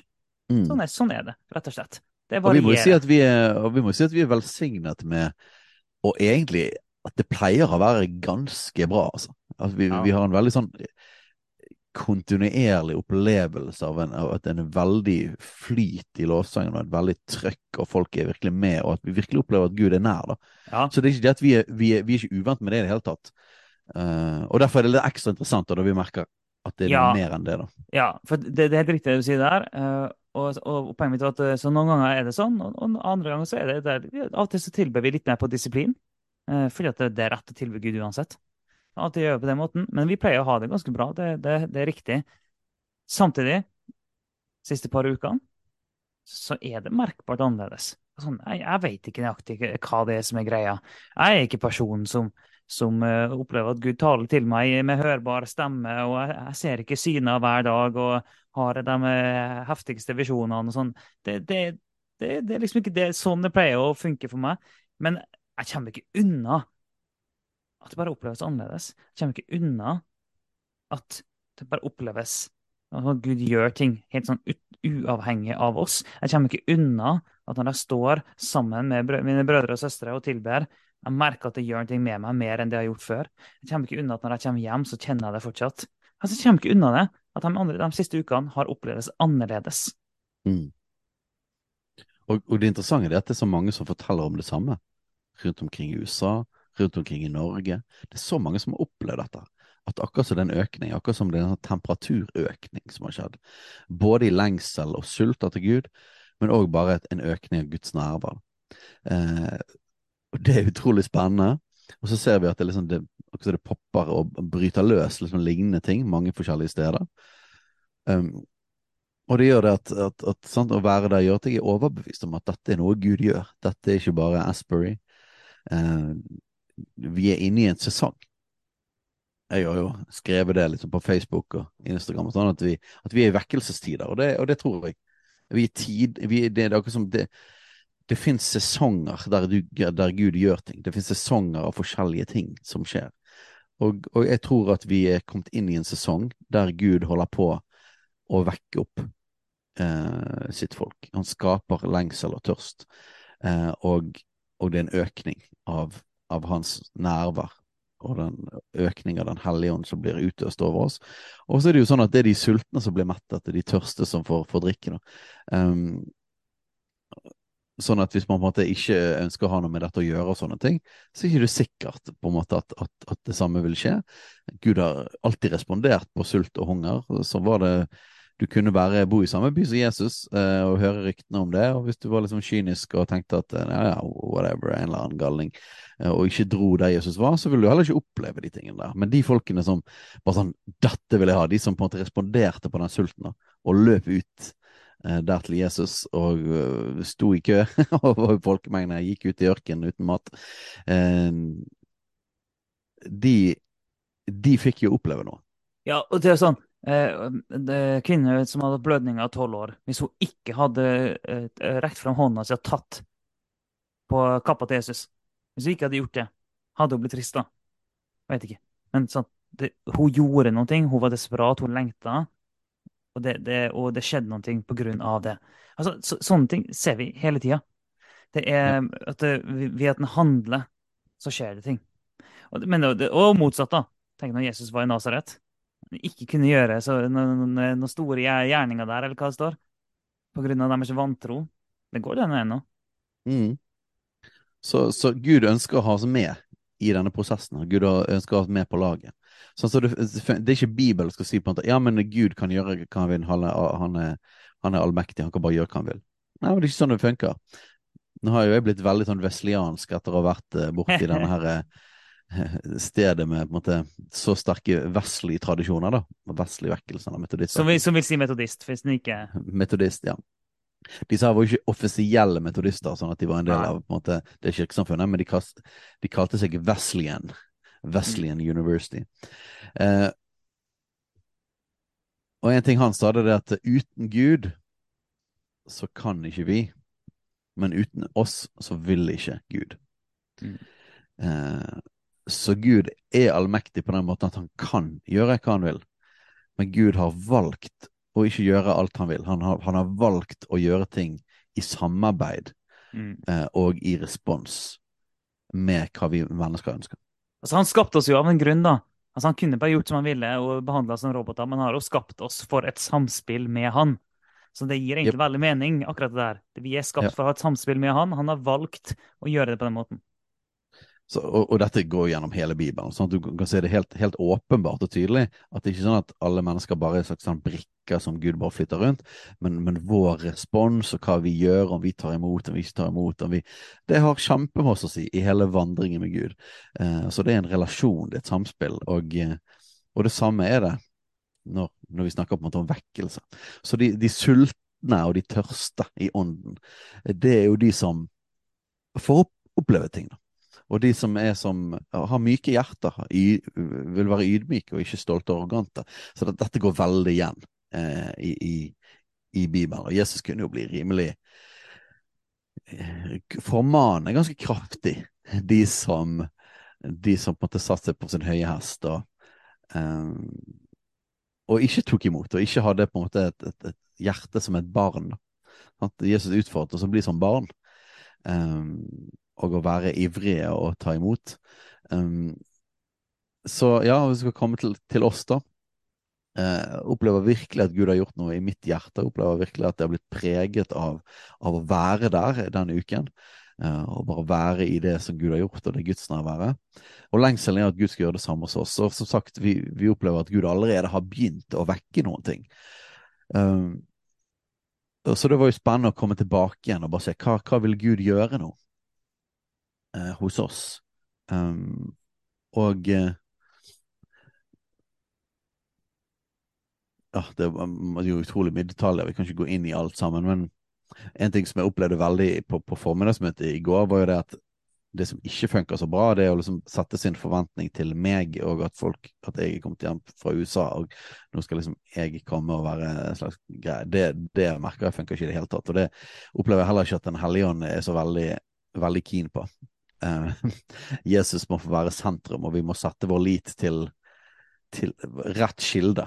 Um, og, og, selv om på en måte, nå har vi akkurat snakket om at vi har, en, vi har en rolle å spille i ting, og det at jeg drar bort dit og kommer tilbake, det er en rolle i alt sammen. Det er en bit i alt sammen.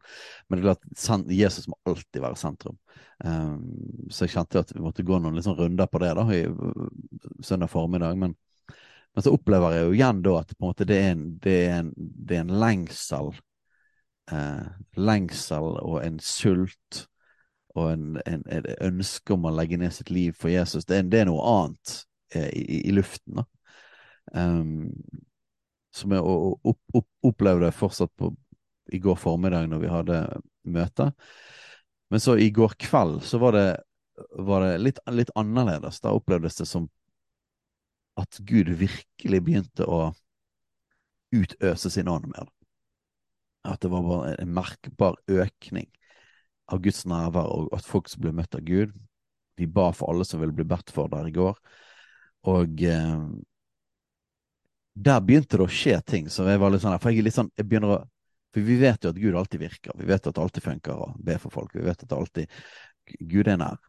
Men så, så jeg litt sånn her eh, prøver å se etter Skjer det noen ting her nå som bærer preg av at, at Gud enda mer bare tar over? Og at Gud gjør ting som vi ikke er vant med. Eh, og at eh, Og i går så fikk jeg rett og slett oppleve flere folk som fikk veldig kraftige møter med Gud. Og som, opplevde, og, og, og som beskrev det som at dette har ikke de dette har ikke de opplevd på, på, årevis i, i sine liv. At det var noe helt nytt. En person som beskrev det bare sånn at, at det var en sånn merkbar tung fred over hele stedet. Mm. Eh, og det synes jeg var interessant han sa, for det er noe som er Vekkelsen der borte ble beskrevet eh, som at det var en, en, en, tung fred, en sånn enorm fred. Eh, og han var sånn åh, hadde ikke skullet på jobb de to neste dagene, så ville jeg bare blitt her. Jeg ville bare blitt her i rommet. Mm. Eh, og jeg kommer tilbake. For det, det vi gjør nå, som er respons på disse tingene, er at vi, vi kommer til å ha bønn og lovsang hver eneste kveld i, i lokalet vårt. Um, I tre uker. I, i tre uker. Um, og vi går inn i noe som vi hadde planlagt allerede, en bønn og fastetid. Um, men da har vi rettet liksom den inn imot dette her, da, og, og liksom overskriften er 'Gjør det her, Gud'. Altså, vi, vi, vi, ber om at Gud skal utøse sin ånd på en spesiell måte, og hos oss. Og da er det jo ikke bare snakk om vår menighet, men vi, vi ønsker jo det for hele landet, for hele byen, for, for alle. Men, men det var en person i går som jeg var der og ba for, bare la merke til at uh, jeg må prøve, ja, må prøve å anonymisere det så godt som mulig. Men, men hele genseren hans var bare våt av tårer. Eh, og det var bare merkbart Oi, her er Og jeg har ikke opplevd Jeg vet ikke hele, hele historien til denne personen, men jeg tror ikke denne personen har opplevd noe sånt som dette før i hele sitt liv. Eh, og, og, når vi skulle dra, personen var ikke ferdig. Personen bare, Den hellige ånd var over den personen. Bare gråt og gråt og gråt og gråt lange tider, og vi rett og slett lurte på om vi klarte å få personen ut av bygget. Eh, og det var liksom Oi, dette var mer For der, jeg, jeg, jeg, vet hvem den personen er. Dette, dette pleier ikke å skje. Eh, dette, dette, er noe helt annet. Og da, da får du sånn glimt av ok, det virker som Gud gjør noe kraftigere og møter folk kraftigere enn vi er vant med. Eh, og det var flere sånne tegn i går. Eh, og spesielt i den tiden i, i, når, når, vi ba for folk på slutten der. Og, måte, og det gikk jo lang tid, jeg kom ikke hjem før 11.30 i går kveld. Eh, så det varte tydeligvis lenge, da. Eh, at her er det noe nytt som skjer. Her er det et gudsnærvær nå som vi ikke er vant med. Og det første vi har merket i ukene som har vært, har vært og i går formiddag, har vært hovedsakelig den nøden og sulten og tørsten. Mm. Og det er liksom det som går foran. Men i går kveld så oppleves det som at her begynner det mer å med det som kalles en utøsing av Den hellige ånd. At, at, mm. en, at, Gud møter folk kraftigere. Da. Så ja, og, jeg syns jo det er utrolig spennende. Og det, og det, er utrolig viktig for oss å snakke om det her, for uh, vi har snakka så mye om uh, ideologi og teologi og filosofi og alt mulig i denne podkasten her. Og det, det, har vært riktig. Det, og vi kommer, kommer, til å gjøre det videre òg. Men, men, vi har snakket om at vi ønsker å utruste kristne til å tenke kristent og til å møte denne tida her. Men det er jo ingenting som er mer viktig enn det å, å, å søke Gud og være med på det han gjør. Eh, det er jo ingenting Yep. som er viktigere enn det, og vi er nødt til å snakke om det. Eh, Så får vi se liksom, hvor mye vi snakker om det videre òg. Men eh, det å beskrive litt sånn hva vi tenker rundt det, og hva vi opplever, tror jeg det kan være interessant òg. Og, og det er sånn, OK, vår respons på det her er at ok, nå sier vi at det, i den fasteperioden som vi uansett, bønnefasteperioden vi uansett hadde planlagt, så sier vi at ja, men ok, hver kveld så er det noen, av og til få, av og til mange, det får vi bare se. Eh, Men hver kveld så vil det være noen som kommer sammen i, eh, i bygget vårt i Evangeliekirken på Krosna i Bergen. Der vil det hver kveld komme noen sammen for å be. Og så vet vi at når vi kommer sammen for å be, så skjer det ting. Og eh, i kveld så kommer, kommer vi til å dra dit. eh, og, det, og det er alltid godt å be sammen, men vi har en forventning til at Gud vil gjøre noen ting. Og så er det sånn, ja, Vi har snakka masse om at Gud gjør en ting eh, på, på stedet når vi kommer sammen, og det er helt sant. Og så kan han jo møte oss når vi ikke er til stede. Sånn som i går kveld. Jeg var litt frustrert, for av ulike grunner så kunne ikke jeg være på møte i går kveld. Så står jeg, står jeg her hjemme, og så driver jeg og eh, rer opp senga, av alle ting. Eller skifter sengetøy. Veldig sånn uh, uh, fin oppgave. Står jeg der og gjør det, og er litt frustrert og be- driver og ber litt. Så opplever jeg at Gud bare kommer. Der òg. På soverommet mitt. Så opplever jeg at Gud kommer. Så jeg var, jeg var ikke på møte, jeg var helt alene på rommet og drev og dytte dyna inn i dynetrekket. Og så opplever jeg at Gud kommer. Og begynner å grine. Jeg har ikke gjort noe for det. Jeg har ikke, jeg har ikke søkt han så fryktelig mye eller godt, kan du si. Men Gud bare kommer. Og Gud kan selvfølgelig sånn, ja, vi snakker mye om at han gjør det på, ulike, på, på spesifikke steder, han gjør det. Det er ingen tvil om det. Og, det er, og, vi, og vi bør komme sammen som kristne. Vi bør, vi bør det. Men det tar ikke vekk det, og at selvfølgelig så møter han oss der vi er òg. Han gjør det. Ja. Og det er jo et element av det, og det- vil han jo alltid gjøre, men det er òg et element av det at det er en sesong og en tid. Mm. Det, det er noe som skjer òg nå. Jeg tror det er bare ved å høre på denne podkasten, så vil kunne, folk kunne merke det. Merke det gudsnærværet. Um, og det vil ikke forundre meg, det vil faktisk overraske meg hvis ikke vi får høre om folk som får et møte med Gud gjennom bare at de har hørt på, hørt på denne podkasten. For det, det, er bare, det er sånn det funker, da. Og, og jeg tror vi er i en tid der Gud har skrudd opp sitt nærvær. og jeg har brukt bildet til når jeg snakket om dette med menigheten, at, at det er Gud som tenner ilden, men, men vi er på en måte veden eh, Mm. som vi kan kaste på. Og, og jeg snakket med, med min bror i går, og så snakket vi om dette her, og da måtte jeg faktisk bruke deg, Alf Kåre, som bilde. Så er det at eh, vi skal, det vi skal gjøre nå, disse her eh, 21 dagene, det at vi skal kaste ved på bålet, sånn som når Alf Kåre eh, bygger et bål. Ja, ja, Hvis ikke ja, Alf Kåre, han er sparer ikke på veden, bare kaster på. Og det er liksom feeling i det. Det, det er det vi skal gjøre. Vi Ja, skal vi ja. gjøre som Alf Kåre hiver ved på bål, og bare liksom bare Stort denne ilden som vi opplever nå, vi skal bare kaste ved på det. Og hva er veden? Nei, det, det er våre sultne liv, da. Mm. Det, det er vi som kommer for å søke Han. Eh, Gud har allerede begynt på noe her, men, men, men vi har lyst til at det skal øke. Øke i styrke, øke i omfang. Um, ja. Ja, vi vil det. Og uh, uansett hva vi står i, og uansett hva vi møter i eh, den tida vi lever i, så er jo Gud alltid svaret. Det er sånn man tuller med at uh, uh, Jesus er svaret. Hva, hva, hva var spørsmålet? Og det, Mm. det, er litt sånn tullete, men det er jo litt morsomt, og det er jo selvfølgelig sant. Altså, Gud er jo svaret på hva enn det vi møter på, og det er riktig av oss å, å, og, gå inn og forstå vår egen samtid. Det er riktig av oss å forstå hva, hva Guds ord har å si til oss. Det skal vi fortsette å gjøre. Yep. Hele, hele livet skal vi gjøre det. Det er viktig, det er riktig. Men, men Gud er svaret. Altså, og det han vil gjøre, uansett hvordan det ser ut, så er det det som er det ultimate, endelige svaret likevel. Og jeg syns denne podkasten er egentlig et godt eksempel på det. Og egentlig det at vi plutselig begynner å snakke om vekkelse, er et godt eksempel på hvordan dette fungerer. For det at vi, vi opplevde det at dette brant i oss, å snakke om ideologi, og snakke om filosofi, snakke om hvordan dette, hvordan dette har begynt å prege kristne. Og da øh, opplever vi at det er et ansvar som vi har som kristne ledere, å gå inn og snakke om denne ideologien og filosofien, forstå disse tingene, gå inn i teologien, hva sier Guds ord, eh, og, og, og lære å trene folk å tenke kristne. Altså tanken. Um, og vi tror på det. Gud, Gud har skapt oss sånn, og vi tror på de redskapene. Og så merker vi at når, når Gud begynner å bevege seg, og det er ikke en motsetning, det heller spiller sammen med det. Ja, ja. Eh, så, så merker man jo at når alt kommer til alt, så er jo det vi trenger, at, at Gud virkelig gjør noe. At Gud gjør noe. i sitt folk For plutselig Du kan høre, du kan høre liksom alle episoder på podkasten, og det har en god effekt. Jeg tror det kan ha en fornyelse av sinnet, og det kan sånn, sånn. Men, så, men så kan du få ett møte, sånn som han beskrev eh, i går kveld.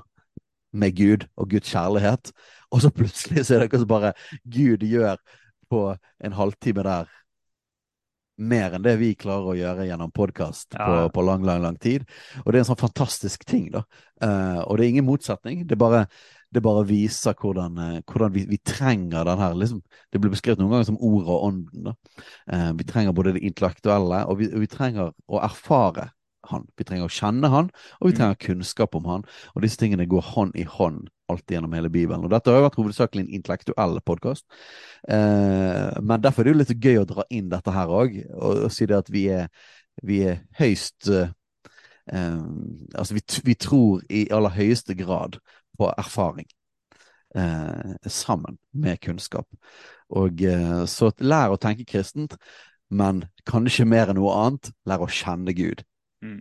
og, og bli møtt av Gud, det forandrer jo òg tankene våre. Og det avslører. Den hellige ånd er veldig god til å avsløre. og eh, Selv om man ikke har hørt alle våre podkastepisoder om postmodernisme, alt, så tror jeg at hvis du, hvis du virkelig får et møte med Guds kjærlighet og Den hellige ånd, så, så har jeg mistanke om at alle sånne her eh, tankegods forsvinner raskt fra sinnet. Men vi trenger, vi trenger begge deler, da. Uh... Ja, vi trenger begge deler. Og det er bare Vi skal prøve å lande det her nå. Bare, mm, når du sa, sa det du sa, så ble jeg minnet på en historie som jeg syns var utrolig fin. Eh, litt sånn på sida, men ikke det på likevel. her. Eh, en far som fortalte om at eh, sønnen hans var tre år, så hadde, så hadde sønnen eh, sagt til, eh, til mammaen at eh, 'jeg elsker deg ikke'. Eh, så hadde mamma, mammaen blitt litt lei seg for det, da. Så, så han sagt det litt, og så legger tid, da, så han sagt til pappa at, pappaen sin 'jeg elsker deg ikke'. Eh, og så ja, det, det er greit. Um, og, så, og så hadde gutten spurt men hvordan kan jeg vite eller, eller Pappaen hadde sagt noe sånt som at ja, men jeg, jeg, jeg elsker deg, så det, det går bra. liksom. Og så hadde gutten sagt at ja, men hvordan kan jeg vite at jeg elsker dere? Så hadde pappaen sagt at, eh, at eh, det, det, det trenger ikke du å vite akkurat nå. Du trenger bare vite at, vite at jeg elsker deg. Det, det, det, sånn, jeg elsker deg. Du, du trenger ikke å elske meg, du trenger ikke å vite hvordan du skal. Du, du trenger bare vite at jeg elsker deg. Og Det syns jeg er et sånn utrolig godt bilde på liksom, Gud og oss, og 1. Johannes 4,19 med at vi elsker fordi Gud elsker oss først. Mm. Så bare sånn, ja, men uh, det er det vi, Mer enn alt så er det det vi trenger. Vi trenger å erfare at han elsker oss. Vi trenger å kjenne det. Og alt annet springer ut fra det. Alt annet springer ut av å kjenne Gud. Jepp. Jepp. Jepp. Og ja, jeg, nå snakket vi litt om kjærlighet, for jeg syns det, det er sånn påtagelig ingrediens av når Gud kommer, for Gud er kjærlighet. Og så synes det er også veldig spennende at dette med hellighet, eh, omvendelse fra synd, um, renhet er en sånn veldig sånn tydelig del av det. Og den alltid Den hellige ånd gjør, men det også som skjer mye i denne vekkelsen. Og, og er en sånn spennende ting, da, for å koble det, at, at, at de tingene henger uløselig sammen. Eh, og de beskrev hvordan spesielt disse unge folkene, eh, generasjon sett som mange, mange snakker om i dette, i denne bevegelsen av Gud, beskriver de hvordan denne generasjonen har bare fått en enorm lengsel etter hellighet. Men ikke gjennom måte, religion eller å følge bud, men, men på grunn av kjærlighet. da. En sånn uløselig kobling mellom Guds kjærlighet og et hellig liv og etterfølgelse av Jesus. Og Det var jo faktisk det han talte om, han som Mm. talte rett før eh, dette brøt løs. Det var på en måte vi er kalt til et hellig liv, vi er kalt til å være som Gud. Um, og det ser ut som dette og dette og dette, og dette, men vi får ikke det til. Så vi trenger sjøl å erfare hans kjærlighet. Så den, hele den komboen, erfare Guds kjærlighet og et hellig liv, uh, det er Og det oppsummerer egentlig litt Vi snakker en del om det med hellig liv og synd. Uh, vranglære og sånne ting i denne podkasten. Og eh, derfor er det helt nydelig at det, du sa i forhold til kjærl kjærlighet eh, inn i hele den konteksten. Ja. Jeg tror vi skal prøve å lande den dagens episode cirka der. Det, det er ikke alltid det er like enkelt å lande en, men eh, det her er et greit sted. Jepp. Jeg har mistanke om at vi kommer til å både gå inn i Vi har sagt vi vil ta mer aktuelle eksempler fra, fra ting som skjer i media og sånne ting. Eh, jeg har en mistanke om at, at episodene fremover, uansett hva vi snakker om, kan både ha aktuelle ting av kulturkrigsstoff, men òg ha vitnesbyrd om hva Gud gjør eh, i seg. Så det syns jeg er egentlig en veldig kul, eh, kul miks. Ja, det skal bli spennende å se. Så uh, heng med neste uke. Ha det bra. Takk for at du lytter på Kulturkrigen. Om du har tilbakemeldinger, spørsmål, hva som helst egentlig, send inn til post alfakrøllkulturkrigen.no eller på sosiale medier.